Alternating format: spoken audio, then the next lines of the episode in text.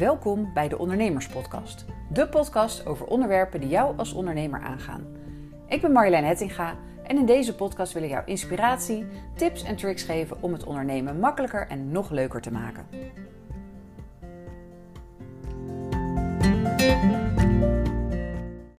Hi, leuk dat je weer luistert. Vandaag is mijn gast ex-topsporter, psycholoog en mindsetcoach Isabelle Veteris. Met haar ga ik het hebben over het ontwikkelen van een topsportmentaliteit, want daar is echt verstand van, en hoe dat jou als ondernemer verder kan brengen. Isabel, welkom in de podcast. Leuk dat je er bent. Dankjewel. Um, ik denk dat het leuk is als je eerst jezelf even een beetje voorstelt. Wie ben je? Wat doe je? Waar kunnen we je misschien van kennen? Want uh, je hebt al aardig wat uh, gedaan volgens mij als ondernemer. Ja, nou, ik heb al een prachtige introductie gehad. En als mensen vragen van, nou, wie ben je? Dan vraag je in mijn optiek eigenlijk naar mijn kernwaarden. Dus mensen vertellen vaak wie ze zijn aan de hand van hun leeftijd of hun beroep of waar ze wonen. Terwijl het meeste wat mij maakt wie ik ben, zijn mijn kernwaarden. En een van die kernwaarden is energie. Dus om mijn energie hoog te houden, doe ik allerlei dingen, waaronder de sporten. En dat heb ik ook op heel hoog niveau gedaan. Persoonlijke ontwikkeling is voor mij heel belangrijk. Dus daarvoor kom ik regelmatig op allerlei manieren uit de comfortzone. En daarnaast is groei voor mij heel belangrijk. Persoonlijke groei, maar ook het helpen groeien van andere mensen. En daarom ben ik coach, ben ik spreker, ben ik trainer. Dus dat zijn eigenlijk mijn nummer drie kernwaarden die ik heb. Wat leuk dat je jezelf voorstelt aan de hand van kernwaarden. Want dat is inderdaad, uh, en dat gaan we vast in dit gesprek nog wel meer ontdekken, dat jij toch dingen wel anders doet dan anderen. En ja. dit is alweer een mooi begin inderdaad daarvan. Um, jij bent sinds volgens mij een jaar of vier ondernemer, zei je net. Waarom ben je ondernemer geworden?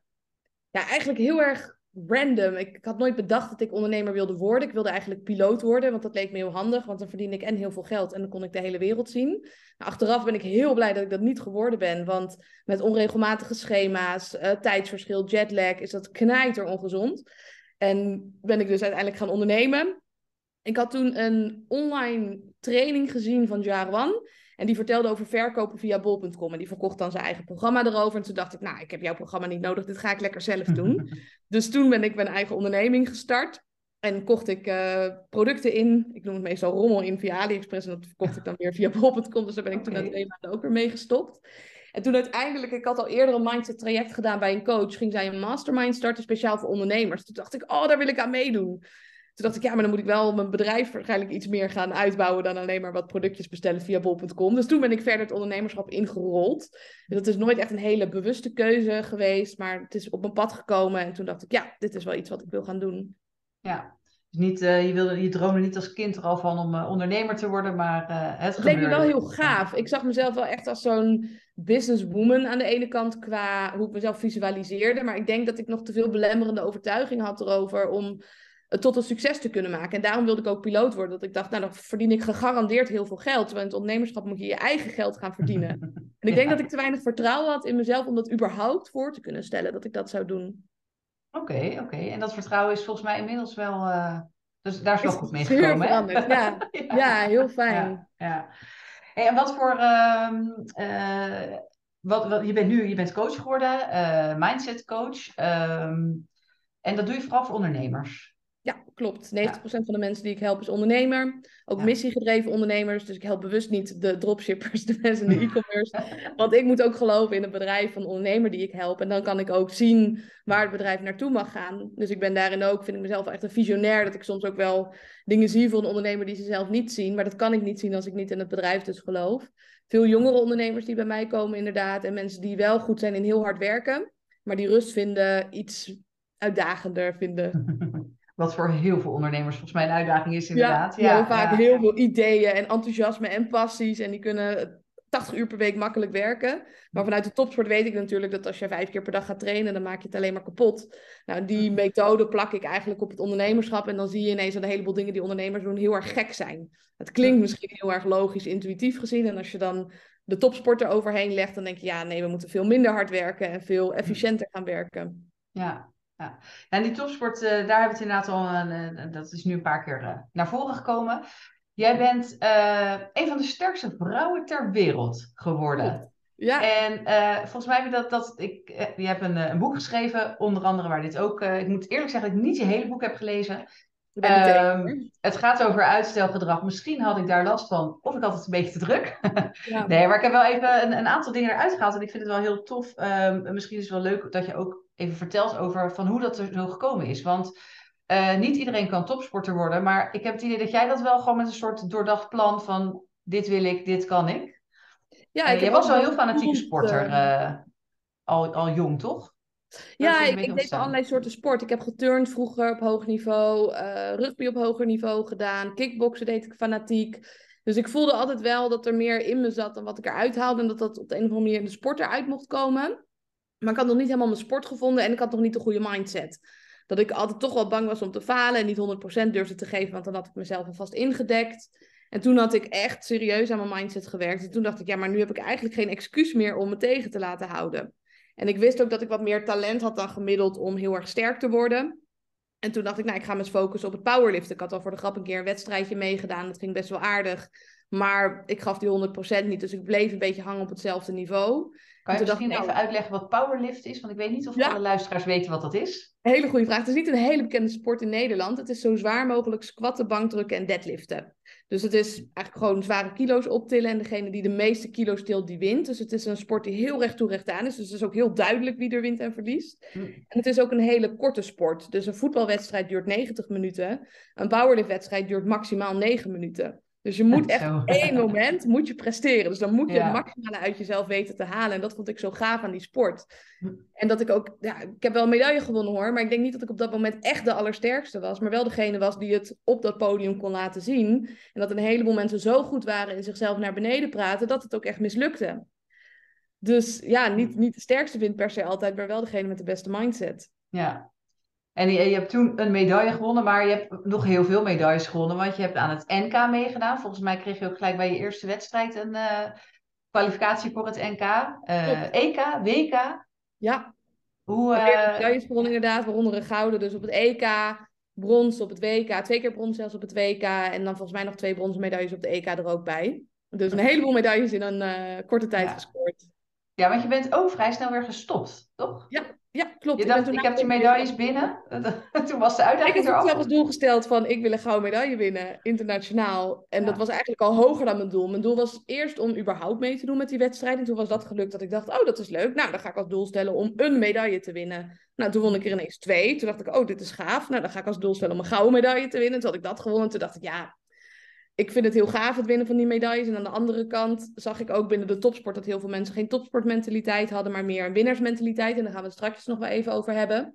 En dat dat in het dagelijks leven ook gebeurde. En toen dacht ik, ja, is dit echt de toppen van mijn kunnen om zware gewichten op te tillen op een podium? Of kan ik beter mensen helpen om diezelfde mentaliteit te krijgen zoals ik? En kan ik daar veel meer impact mee maken? En toen heb ik eigenlijk gekozen om dat tweede te gaan doen. Ja. En wat is dan het verschil tussen een topsportmentaliteit en een winnaarsmentaliteit? Ja, nou, er zijn eigenlijk drie soorten mentaliteiten. Dus de eerste is een verliezersmentaliteit. Hè? Die mensen die gaan überhaupt niet meedoen. Um, maar die zie ik gewoon niet zo heel veel in het ondernemerschap. Anders ga je ook geen ondernemer worden. De winnaarsmentaliteit, dan wil je super graag winnen en daar ga je alles voor doen. Dus dan geef je 200%, ga je structureel over je grenzen. Goed is niet goed genoeg. Um, dus, dus, het klinkt heel erg gaaf van, oh, ik ben committed. Maar grote kans dat je daardoor geblesseerd gaat raken. Of dat je überhaupt niet in beweging komt, omdat het te groot is. Je legt die lat op korte termijn veel te hoog voor jezelf. En die topsportmentaliteit, dan focus je op het proces. Dan zie je het als spelen. Dan mag je van jezelf verliezen. Dan gaat het om het meedoen. En meedoen is daarin dan op korte termijn belangrijker dan winnen. En op die manier, omdat je niet bezig bent met winnen of verliezen, dan ga je winnen. bij een winnaarsmentaliteit speel je om niet te verliezen. En bij een topsportmentaliteit speel je gewoon en dan krijg je de resultaten die je verdient. Zelfs als in het ondernemerschap zie ik dat mensen vaak geld te belangrijk maken en daardoor verdienen ze niet zoveel. Terwijl als jij doet waar je goed in bent en je bent competent en je kiest wel een markt waar natuurlijk geld in te verdienen is, dan zie ik vaak dat je veel meer verdient dan dat je eigenlijk als target had gesteld. Terwijl vaak zie ik als ondernemers te veel op geld sturen, dan verdienen ze minder dan hun targets. Ik denk dat je die eens toch uit moet leggen, inderdaad, van hoe, hoe ziet dan die topsportmentaliteit voor ondernemers eruit? Want ik vind het grappig dat je dit zegt, maar ik denk dat heel veel luisteraars nu denken, hè? Maar als ik toch gewoon mijn doelen goed stel en de lat lekker hoog leg en, en daarvoor ga, dat is me toch altijd geleerd. Je moet een doel hebben, je moet misschien visualiseren, je moet weten waar je naartoe wil. En nu zeg jij, uh, ja, dat is leuk, maar als je daar vooral te veel focust, dan ga je het uiteindelijk niet halen. En als je er niet op focust, dan verdien je meer dan dat je misschien van plan was. Zeker. Dus mijn methode is voornamelijk ook voor ondernemers die al wat langer ondernemer zijn. Want je doet eerst die ene methode van doelen stellen, hard werken. En dan kom je op een gegeven moment erachter van, ik loop tegen een plateau aan. Dit is het niet helemaal. Het, het is natuurlijk hard werken in het begin van mijn bedrijf. Dat heb ik ook gedaan. Veel uren gemaakt. Maar als jij dus structureel over die grenzen gaat en te veel gaat pushen en het te belangrijk maakt, laten we even sales als voorbeeld nemen. Stel, hè, we hebben nu een salesgesprek met elkaar en ik heb een target gesteld dat ik 10.000 euro deze maand moet verdienen, maar ik zit nog op nul en ik ga jou een aanbod doen voor coaching van 10.000 euro. Nou, wat denk je wat er in de energie gaat gebeuren? Dan ga ik zitten trekken. En hoe meer ik ga trekken, hoe meer jij dus een stapje terug gaat doen, waardoor je aan het einde van het gesprek nee gaat zeggen. Hm. Terwijl als mijn doel is om jou echt te gaan helpen, en we hebben gewoon een leuk gesprek. En aan het einde zien we wel of we wel of niet samen gaan werken. Ja, dan is de kans zo groot mogelijk dat je ja gaat zeggen. En ik zie heel veel ondernemers dat eerst te doen, omdat ze te graag willen. En dat is, vind ik bijna een beetje zielig, want ze hebben gewoon een heel goed product. Ze leveren goede diensten. Maar omdat ze dus die winnaarsmentaliteit hebben, kunnen ze hun klanten niet gaan bereiken, want die lopen bij ze weg. Ja, ik, dat vind ik wel heel herkenbaar uh, met, met mijn klanten. Ja, ik help ondernemers om aan meer klanten te komen. Uh, dat ik ook vaak zie dat ze dan heel erg teleurgesteld zijn als iets niet lukt. Uh, Ik heb een voorbeeld van een klant, die, um, die heb ik toevallig vanochtend nog over gehad met iemand. Die uh, wilde een training verkopen, hij wilde zes deelnemers voor hebben. En dat lukte niet zo lekker. En op een gegeven moment zei ik, stuur nog een, mail naar je, mail, naar je maillijst en vraag, uh, haal een, een leuk een soort kortingsaanbod. Uh, maar daar reageerde ook niemand op. Dus hij was eigenlijk teleurgesteld van ja, niemand reageert daarop. Dus ik zeg, stuur nog even een mailtje naar je lijst. En al zijn het maar honderd mensen, maakt niet uit. Uh, maar um, nou ja, kijk gewoon even. Misschien kijk wat daarop komt. Het soort dat je alles eraan gedaan hebt om dit te verkopen. En dan gaan we daarna wel kijken wat, waarom het niet gelukt is.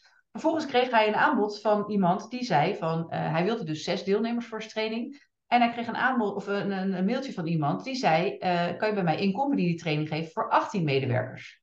Ja. Dan kan je heel snel denken, ja, mijn training voor zes deelnemers is niet gelukt, dus ik heb gefaald. Terwijl ik zie dan, je hebt drie keer gewonnen. Want je hebt drie keer zoveel deelnemers dan wat je eigenlijk, uh, waar je naar... Precies, dus soms kan je het je... klein houden hè, met target. Ja, dan... Je resultaat komt uh, soms in een, in een andere vorm dan je misschien verwacht had. Maar uh, ja. ja. Je gaat wel zaaien om je target te halen, maar je target die laat je dus ook weer los. Hm. En dan zie je wat er misschien nog meer op je pad kan komen. En dat komt niet door meditatie, visualisatie, manifestatie, maar gewoon omdat jij het harde werk gaat verrichten.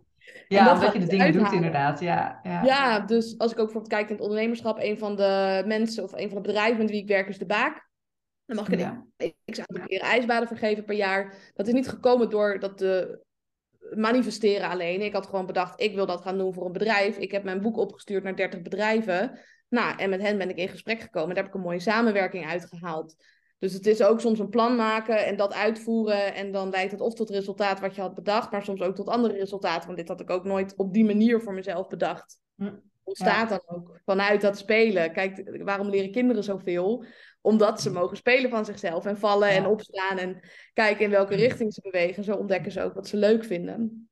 Ja, ik vond trouwens dat boek van jou, ik vond het een hele goede marketingactie. Heb ik al een keer tegen jou, want ik kreeg hem ook toegestuurd. Ik weet niet hoe ik op die lijst bij jou terecht gekomen ben, maar ik vond het superleuk. Met een persoonlijk kaartje. Er... Wat zeg je? Omdat je een podcast hebt. Oh, vandaar. En dit, maar dit is denk ik al nou, een jaar geleden of zo misschien wel. Het is echt wel een tijd geleden. En uh, daar zat een heel leuk persoonlijk kaartje bij met, uh, joh, uh, nou ja, wil je even delen? Of, of daar zoiets stond erop. Dus ik denk, nou, sowieso een goede marketingactie. Daar hou ik echt van. Mensen die even iets anders doen dan anderen. En iedereen vindt het natuurlijk leuk om gewoon een boek op de mat te vinden. Um, vervolgens, dat is een jaar geleden, uh, vervolgens hebben wij niet echt daar iets verder mee gedaan. Maar nu uh, kwam je weer in de lucht van, joh, uh, ik heb misschien wel een leuk verhaal voor de podcast. En toen dacht ik al, hey, die naam ken ik. Volgens mij heb ik hier jouw boek nog liggen. En ja, die lag hier nog. dus zo zie je dat soms een jaar later, of, of er kan best wel tijd overheen gaan inderdaad.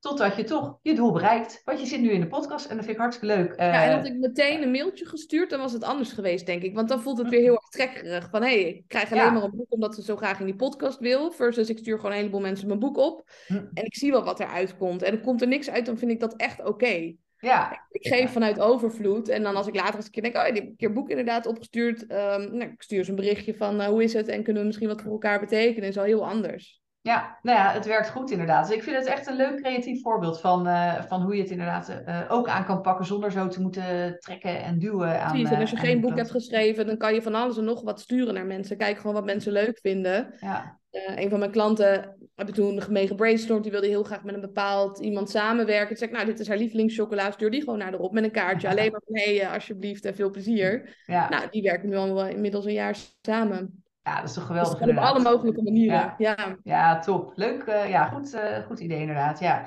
Hey, en um, uh, in je boek heb je ook, geef je ook een aantal voorbeelden van het verschil tussen een, iemand met een topsportmentaliteit en iemand die dat niet heeft.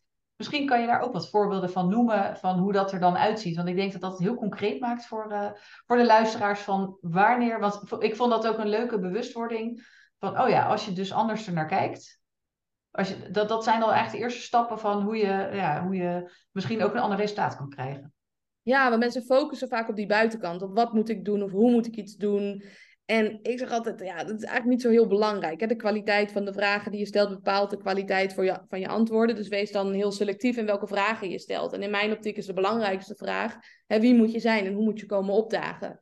Dus als een heel concreet voorbeeld pakken van het ondernemerschap, is een verhaal wat veel mensen zichzelf vertellen met de winnaarsmentaliteit is, ah, één keertje kan toch wel, hè? Eén keertje pauze overslaan, één keertje toch met dat idee aan de haal gaan, terwijl ik eigenlijk een ander plan had gemaakt. Nou, dat is typisch een winnaarsmentaliteit. En ja, in theorie één keertje kan wel, maar het blijft nooit bij één keertje. Dan ga je nog een keer je pauze overslaan en nog een keer je pauze overslaan en nog een nieuw idee en nog een nieuw idee. En uiteindelijk is het één grote chaos geworden. Versus mensen met een topsportmentaliteit die beseffen van nee, één keertje kan helemaal niet ik heb gewoon een zero tolerance beleid voor bullshit. En ja, ik hoor dat stemmetje in mijn hoofd en ik luister er niet naar. Dus dat is al een heel concreet voorbeeld van het verschil dus tussen die winnaarsmentaliteit en die topsportmentaliteit in hoe je tegen jezelf spreekt. Of ehm, iemand met een winnaarsmentaliteit vindt het vaak heel belangrijk wat anderen vinden. Daarom is dat winnen zo belangrijk geworden. Die willen die erkenning van anderen krijgen. Dus die gaan ook hun omzetten bijvoorbeeld online delen. Of als het niet zo goed gaat, delen ze dat niet. Of um, nou ja, als, als ze klanten krijgen, zijn ze heel erg blij. Dus als we weer kijken naar die sales, ja, sommige mensen zijn heel teleurgesteld als het niet lukt. Maar als je te blij bent, dan klopt er ook iets niet helemaal in de energie in mijn optiek.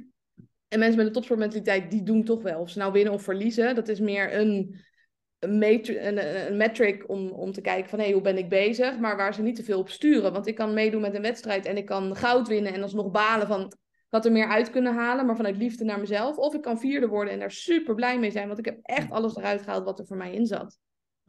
Ja, Mooi, en natuurlijk ook in het ondernemerschap. Hè? De ene maand, in mijn bedrijf tenminste ook. En, en het ligt er natuurlijk aan wat voor type bedrijf je hebt. Maar soms heb je grotere omzetten, soms mindere omzetten. Maar ben ik blijer met een maand waar ik minder heb omgezet, maar gewoon heel veel zaakjes heb gepland. Bijvoorbeeld, ik heb mijn boek in twee weken geschreven. En dat was in oktober 2021. Nou, toen heb ik gewoon wat minder omgezet. En dat wist ik ook van tevoren. En als ik een winnaarsmentaliteit had, zou ik er heel erg van balen. Ook al weet ik hoe het komt. Ja. Ik was super trots op mezelf dat ik dat boek had geschreven. En dat ik daarmee aan de slag ging. En ik wist ook wat dat me in de toekomst op ging leveren. En nou ja, een deel had ik niet eens kunnen bedenken. Ik heb nu inmiddels al de tweede druk. En uh, ik kan hem nu natuurlijk ook als marketingmiddel gebruiken. Dat had ik toen ook nog helemaal niet bedacht. Maar gewoon het feit dat ik dat had gedaan, dat was voor mij wel echt een goal. Om dat dus te doen in mijn leven. Maar even, hoe doe je dit in twee weken een boek schrijven?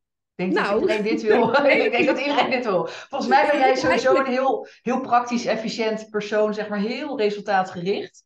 Maar uh, twee weken een boek schrijven vind ik ook voor iemand die heel georganiseerd is en even twee weken niet aan andere klanten denkt, vind ik nog steeds heel snel.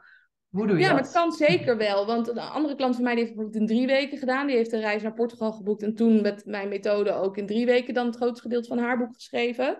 Maar als we kijken naar een boek, en als we even kijken dan naar mijn boek, die heeft 200 pagina's A5-formaat. Dus dat zijn 100 pagina's A4-formaat.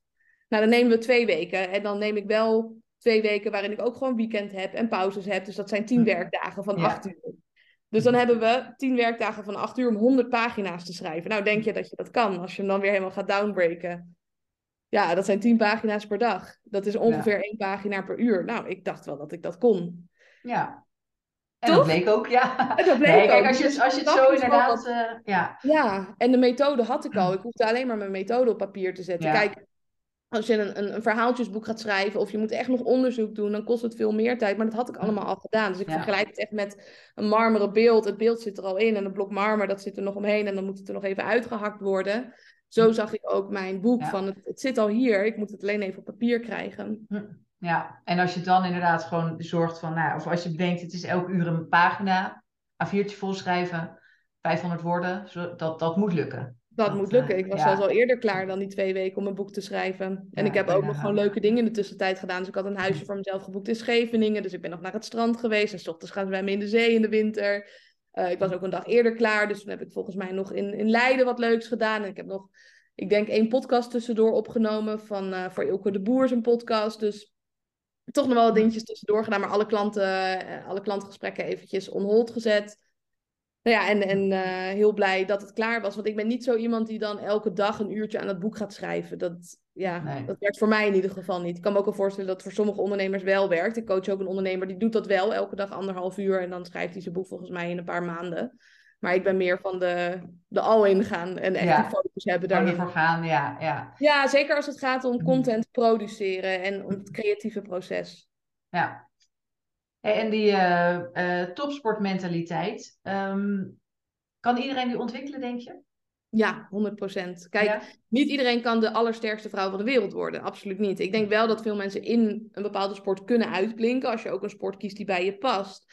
Net zoals in het ondernemerschap. Ik zeg ook niet dat iedereen miljonair kan worden. Dat hoor je sommige business coaches ook wel zeggen. Ja. Maar ik geloof dat iedereen een bedrijf kan bouwen waar je goed van kan rondkomen. In een bepaalde niche waar jij een talent voor hebt. Ik geloof dat er, er is zoveel, er is meer dan genoeg voor iedereen. Alleen het ligt voor het oprapen, maar we moeten het wel pakken. Ja, en als we dat niet doen, ja. dan gaan we mee van door. Daarom zie je dat Pareto-principe, dat 80% van de ondernemers, die draait maar 20% van de omzet die er is uh, wereldwijd. En dan 80% van de omzet gaat dan naar die 20% van de ondernemers. Ja. En als we dat weer gaan kwadrateren, dan pakt 1% van de ondernemers pakt 40% van de omzet. Hm, ja. wat doet die ene procent dan anders? Ja, die heeft die topsportmentaliteit. Ja, ja. En wat, uh, uh, wat, is dan, wat is dan, denk je, het eerste wat als iemand nu luistert en denkt: ik zit nog bij die, 20, uh, ja, die 80 procent die maar 20 procent van de omzet verdeelt? Wat zouden de eerste stappen kunnen zijn om richting die topsportmentaliteit? Ja, het begint al met het besef dat het bij je mindset zit. En ik zie vaak dat ondernemers het gaan zoeken in hun business. Het is net zoals wanneer je overgewicht hebt. En dan zie je dat mensen gaan focussen op hun voeding en op hun training. Maar als jij jezelf ziet als iemand die dik is, als je het jezelf niet waard vindt, ja, dan ga je wel die troep in je lijf stoppen en te weinig bewegen, want je gunt het jezelf niet. En toen ik nog niet ondernemers begeleidde, helemaal in het begin, toen um, was ik nog een beetje zoekende naar mijn doelgroep. En dan kwamen ook wel mensen bij mij met eetproblematiek. Ook omdat ik zelf dus anorexia heb gehad in het verleden. Maar ook wel mensen dus met overgewicht. En dan hoefden we helemaal het niet te hebben over voeding of over training. Maar als die mindset veranderde, dan gingen ze gewoon afvallen. Of als ze last hadden van eetbuien of, of te licht waren, dan kregen ze een gezonder gewicht. Dus ook in het ondernemerschap om op die mindset te gaan focussen, op die zelfliefde, op dat spelen, op die topsportmentaliteit. Dan komen die resultaten vanzelf. Dus het begint al bij het inzicht van oké, het is mijn mindset. En dan eens gaan kijken van hé, hey, aan de ene kant wat kan ik allemaal wel doen, maar nog makkelijker, hoe saboteer ik mezelf? Hoe praat ik bijvoorbeeld negatief over mezelf? Wat doe ik om mezelf te saboteren? Hoe hou ik mijn energie nou eigenlijk laag? Waarom zit mijn hoofd zo vol? En hoe ga ik daarmee stoppen? Want dan komt er ook ruimte om andere dingen wel te doen. Dus waarom ben ik zo productief? Omdat ik mezelf niet saboteer. Ik zit niet vier uur per dag op sociale media. Ik heb geen tv hier. Ik kijk bijna geen Netflix. Ik, um, ik bespaar op die manier gewoon een heleboel energie en een heleboel tijd. Hm. En omdat die tijd is vrijgekomen, kan ik die stoppen in dingen die echt belangrijk zijn. Ja, ja. Is het ook, uh, denk je dat mensen ook vaak beseffen wat, het, wat belangrijk is voor ze? Ik denk dat dat misschien ook nog wel eens. Je zit in een soort gewoonte, soms tv kijken, wel, Netflix. Nee, oké. Okay. Dat geeft het grootste energielek. Van het wel weten, maar het niet doen. Oké, ik vind gezondheid belangrijk, maar ik beweeg nog niet eens elke dag. Laat staan dat ik goed train ik vind mijn relaties belangrijk, maar ik doe heel naar tegen mijn partner. Ik vind mezelf eigenlijk wel heel erg belangrijk, maar ik praat heel negatief tegen mezelf. Dus die mismatch, ja. als die al is opgelost, dat scheelt al zoveel energie. Hm. Maar dat lijkt me ook een lastige mismatch om op te lossen. Is een hele Alle voorbeelden die je nu geeft. Dat zijn heel herkenbaar. Ja. ja, ik denk heel herkenbaar. En ik, ik zie ook gewoon met de mensen met wie ik werk dat dat steeds meer gaat veranderen. Dat je gaat ownen dat je afwijkt. Dat je gaat ownen wie je bent. En dus voor jezelf gaat kiezen in plaats van het leven van iemand anders gaat leiden. Ja, en, jij doet het uh, op een andere manier dan heel veel coaches volgens mij. We hadden net al van tevoren eventjes uh, over. Ja. Uh, jij zet wel echt ongeveer van alles, alles in wat er nodig is om iemand nou, die mindset te laten veranderen. Kan je daar wat over vertellen?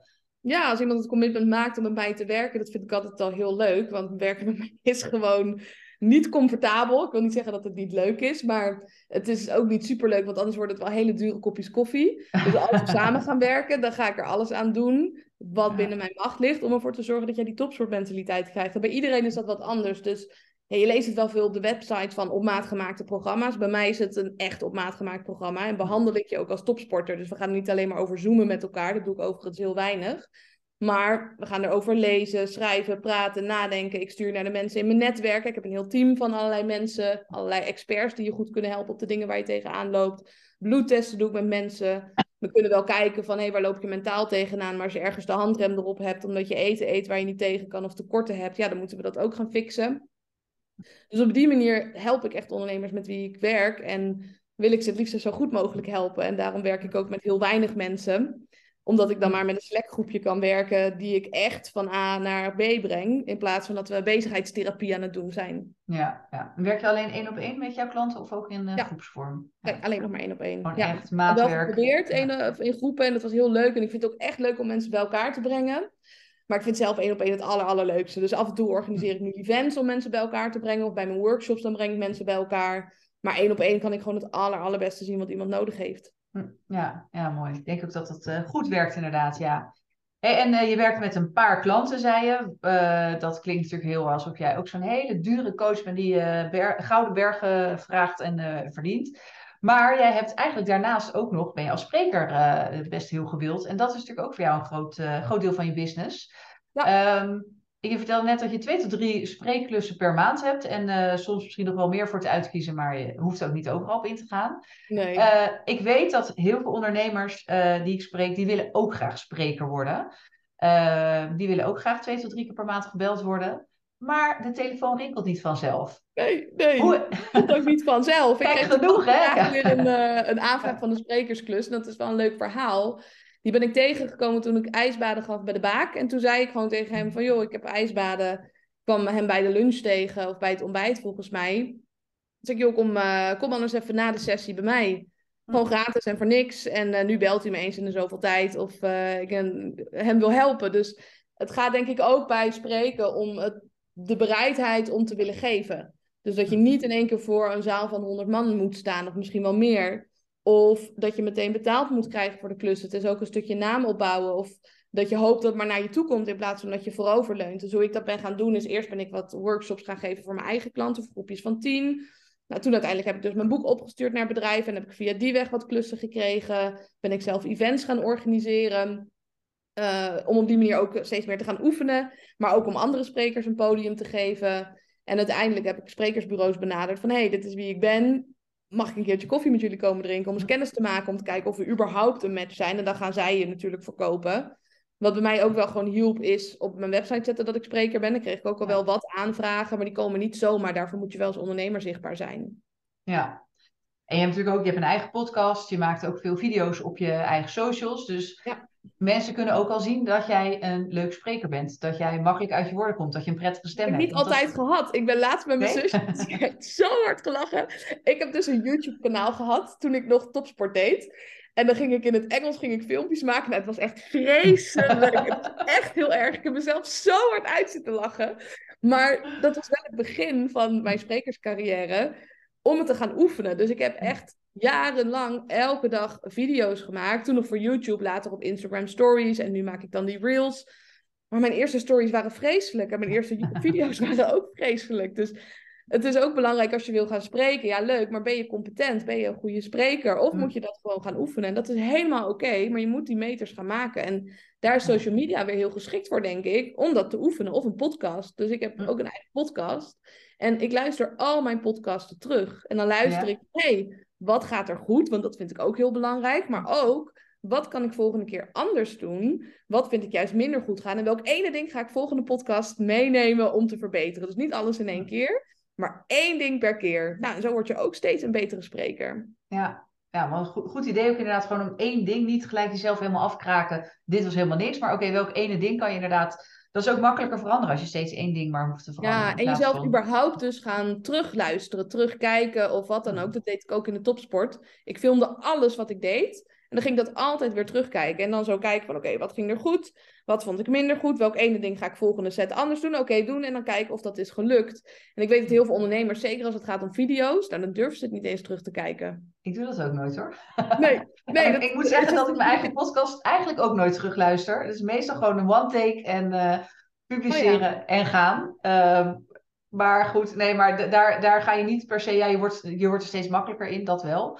Ja. Uh, maar niet misschien heel bewust inderdaad jezelf verbeteren. Dus dat, uh, maar ik, ik ben het wel eens inderdaad van, je moet wel af en toe even terugkijken naar wat ben je aan het doen en hoe kan het beter. Dan, uh, dat is de enige manier vooruit. Ja, maar ook eens naar je eigen podcast luisteren en denken, nou, dit is echt supergoed. Ja. Oh, holy moly, wat zeg ik een zinnige dingen. Dat, daar nou, ik moet zeggen... de podcasten terug. En in Nederland mag je dat bijna niet zeggen, want het, we hebben die zesjescultuur en doen, maar normaal dan doe je al gek genoeg. Maar het helpt mij ook wel eens om dan iets terug te luisteren en te denken van, oh ja, ik, ik zit echt op de goede weg. Ja, nou, maar het grappige is, het is bij mij niet een soort gêne of zo. Want ik vind het helemaal niet erg om naar mijn eigen stem te luisteren, als ik heel eerlijk ben. Nee, dat, uh, Ja, die heb ik al zo vaak gehoord onderhand. Het is meer misschien ook een soort gemakzucht van uh, publiceren en dan, uh, dan stuur ik, dan slinger ik hem de lucht in. Ja. Maar ik, maar het, ik heb wel, grappig genoeg, als ik wel eens op mijn LinkedIn terugscroll bijvoorbeeld, dat ik dan ook wel eens bericht lees en denk, nou, die is best goed gelukt. dus ja, dat is ook misschien wel een, een, een, talent voor, voor een ondernemer, wat, dat je ook gewoon eens de positieve dingen ziet. En we zijn zo, we kunnen heel, enorm malen over dingen die misgaan. We tien complimenten die vergeten we en één negatieve reactie, daar blijf je s'nachts van wakker liggen. En dat, en dat helpt je niet echt. ondernemers die ik, die ik dan succesvol vind, maar als ze dat zelf niet vinden, dan stralen ze dat ook niet uit. Omdat ze dan constant zichzelf aan het verbeteren zijn. Dat is ook een valkuil van die hele persoonlijke ontwikkelingswereld. Dat het nooit goed genoeg is en ook dat we het altijd bij onszelf moeten zoeken. En ook dat denk ik, ja, is dat wel zo? Of loop je soms gewoon niet helemaal op je pad? Of mag je niet meer focussen op wat er wel goed gaat en dat gaan uitbuiten? Dus ja, als ik een marathon was gaan rennen, dan was ik echt geen kampioen erin geworden. Want daar heb ik gewoon het talent niet voor. Dus soms mogen we dat ook erkennen. En niet altijd maar het maximale uit alle vlakken van het leven moeten halen. Want ja, in sommige dingen ben je gewoon niet zo goed. En dat ga je nooit worden ook. Nee, nee, dat is goed om dat te erkennen. En, en in, je, in je onderneming kan je dat misschien wel uitbesteden. Je hoeft niet overal goed in te zijn. Je moet wel een beetje snappen, maar daarna mag je het echt wel over de schutting gooien. Dus ja.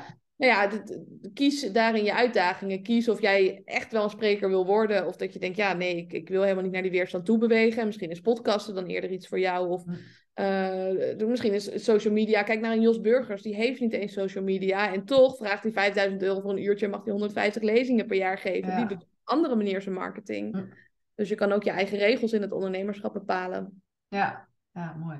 Hoe zie jij uh, voor jezelf uh, de toekomst? Want je bent, je bent nog jong, je bent pas 28, maar je hebt echt wel, wel een heel succesvol bedrijf uh, en een topsportcarrière. En hoe, zie jij de toekomst? Heb je daar een idee over? Ja, zeker. Gewoon heel standaard eigenlijk. Huisje, boompje, beestje. ik wil kinderen later ook. Ik, ja, eigenlijk heel saai in die zin. Ik leef nu ook best wel minimalistisch.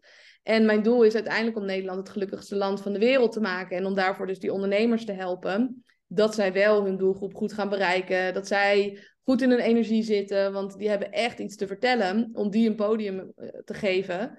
Dus mijn missie zit vooral in het ondernemerschap. En verder, als ik kijk naar mijn leven. Als ik elke dag zo mag leven als dat ik dat vandaag doe. Nou, dan ben ik een gelukkig mens.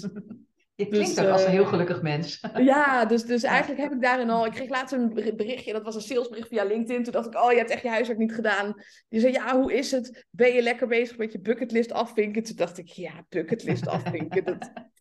ik, uh, ja, ik heb daarin echt alles gedaan wat ik wil doen. En natuurlijk zijn er nog wat dingen die ik zou willen doen qua landen die ik wil bezoeken of reizen. Maar ik heb niet echt dingen dat ik denk, oh, dat moet ik echt nog per se bereiken. Dus ik ben nu gewoon heel veel op flow aan het doen en doen wat ik leuk vind. En ik denk dat ik daardoor ook nog wel meer ga bereiken op de langere termijn dan dat je alleen maar die doelen stelt en die zo snel mogelijk moet gaan bereiken. En soms heb ik ook geen idee wat er op mijn pad nog ligt, wat er in de toekomst gaat gebeuren. Ik had vijf jaar geleden nooit bedacht dat ik businesscoach zou worden. nooit bedacht. Nee, want je hebt psychologie gestudeerd. Ja. Nou ja, als psycholoog ga je toch misschien een andere, had je een andere, ander pad voor jezelf bedacht inderdaad. Ja, en zeker. Ik had wel bedacht van, nou, misschien ga ik nog een keer selectie doen voor KLM en toch die piloot worden. Of nou ja, psychologie gestudeerd en dan word ik maar of standaard psycholoog. Of ik, ja, ik had eigenlijk geen idee. Ik ben het meer gaan doen om maar geen tussenjaar te hebben. Maar uh, ik ben echt wel een tijdje ook zoekende geweest van uh, wat ga ik doen in het leven. Ja, ja. Maar inmiddels wel gevonden. Je hebt wel een grote doelstelling. Nederland het gelukkigste land uh, ter wereld. Dat uh, ja. is niet niks. nee, dus maar... daarom voel ik elke dag mijn bed nog uit om aan mijn missie te werken. Dus het doel is ook helemaal niet om die missie ooit te gaan behalen. Nee. Dus dat zeg ik ook altijd tegen ondernemers. Van ja, je mag best wel een grote missie hebben of een grote visie. Uh, en, en het is helemaal niet de bedoeling dat je dat gaat halen. En daarom word je elke dag wakker van... ah shit, er is nog iemand in Nederland die niet zo gelukkig is. Dan heb je nog wat te doen. gaan bereiken en ik moet gaan aanzwengelen en dan uh, komt dat wel goed. Ja, maar dan, zolang, zolang je dat nog hebt, dan heb je elke dag ook nog een reden om, om je bed uit te komen en weer uh, lekker je positiviteit de wereld in te gooien. Zeker, ja. Uh, ja, we zijn alweer een beetje door de tijd heen. De tijd vliegt. Uh, ik zei van tevoren, mijn stem begint een beetje te haperen, maar ik laat jou lekker kletsen. Nou, dat is volgens mij wel goed gelukt. Ik vond het heel erg leuk om uh, even met je te spreken. Ik ga in de show notes even alle linkjes zetten van waar mensen jou kunnen vinden. En uh, als ze nog meer van jou willen weten, ik zou vooral iedereen aanraden om jou te gaan volgen op, op social media. Want je bent daar ook heel inspirerend. en daar kunnen we alvast hopelijk die eerste stapjes richting die topsportmentaliteit gaan zetten. Zeker. Heel erg, ik heb ook een uh, gratis test. Ik denk dat die ook wel relevant is voor jouw luisteraars. Die kan je op mijn website doen. Die kan je misschien in de show notes erbij zetten. En dan ontdek je binnen twee minuten of jij die topsportmentaliteit hebt. En zo niet, waar voor jou nog ruimte is voor groei. En is wetenschappelijk onderbouwde test. Dus ja, die kan je eventjes doen via mijn site.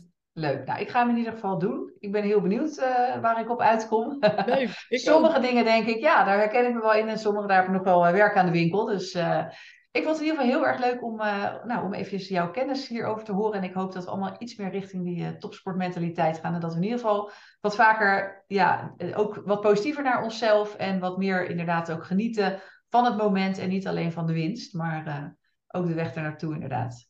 Top. Hartstikke bedankt. En voor de luisteraars ook weer bedankt voor het luisteren. En graag tot de volgende keer. Dit was de Ondernemerspodcast. Bedankt voor het luisteren. Ik hoop dat ik je heb geïnspireerd om het ondernemen makkelijker en nog leuker te maken. In dat geval zou je me groot plezier doen als je een review wilt achterlaten. Zo kan de Ondernemerspodcast nog beter gevonden worden. Dat kan door sterren te geven en een review te schrijven in Apple Podcasts en tegenwoordig ook in Spotify door op de drie puntjes bij de podcast te klikken. En vergeet niet om je te abonneren natuurlijk, zodat je nooit meer een aflevering hoeft te missen.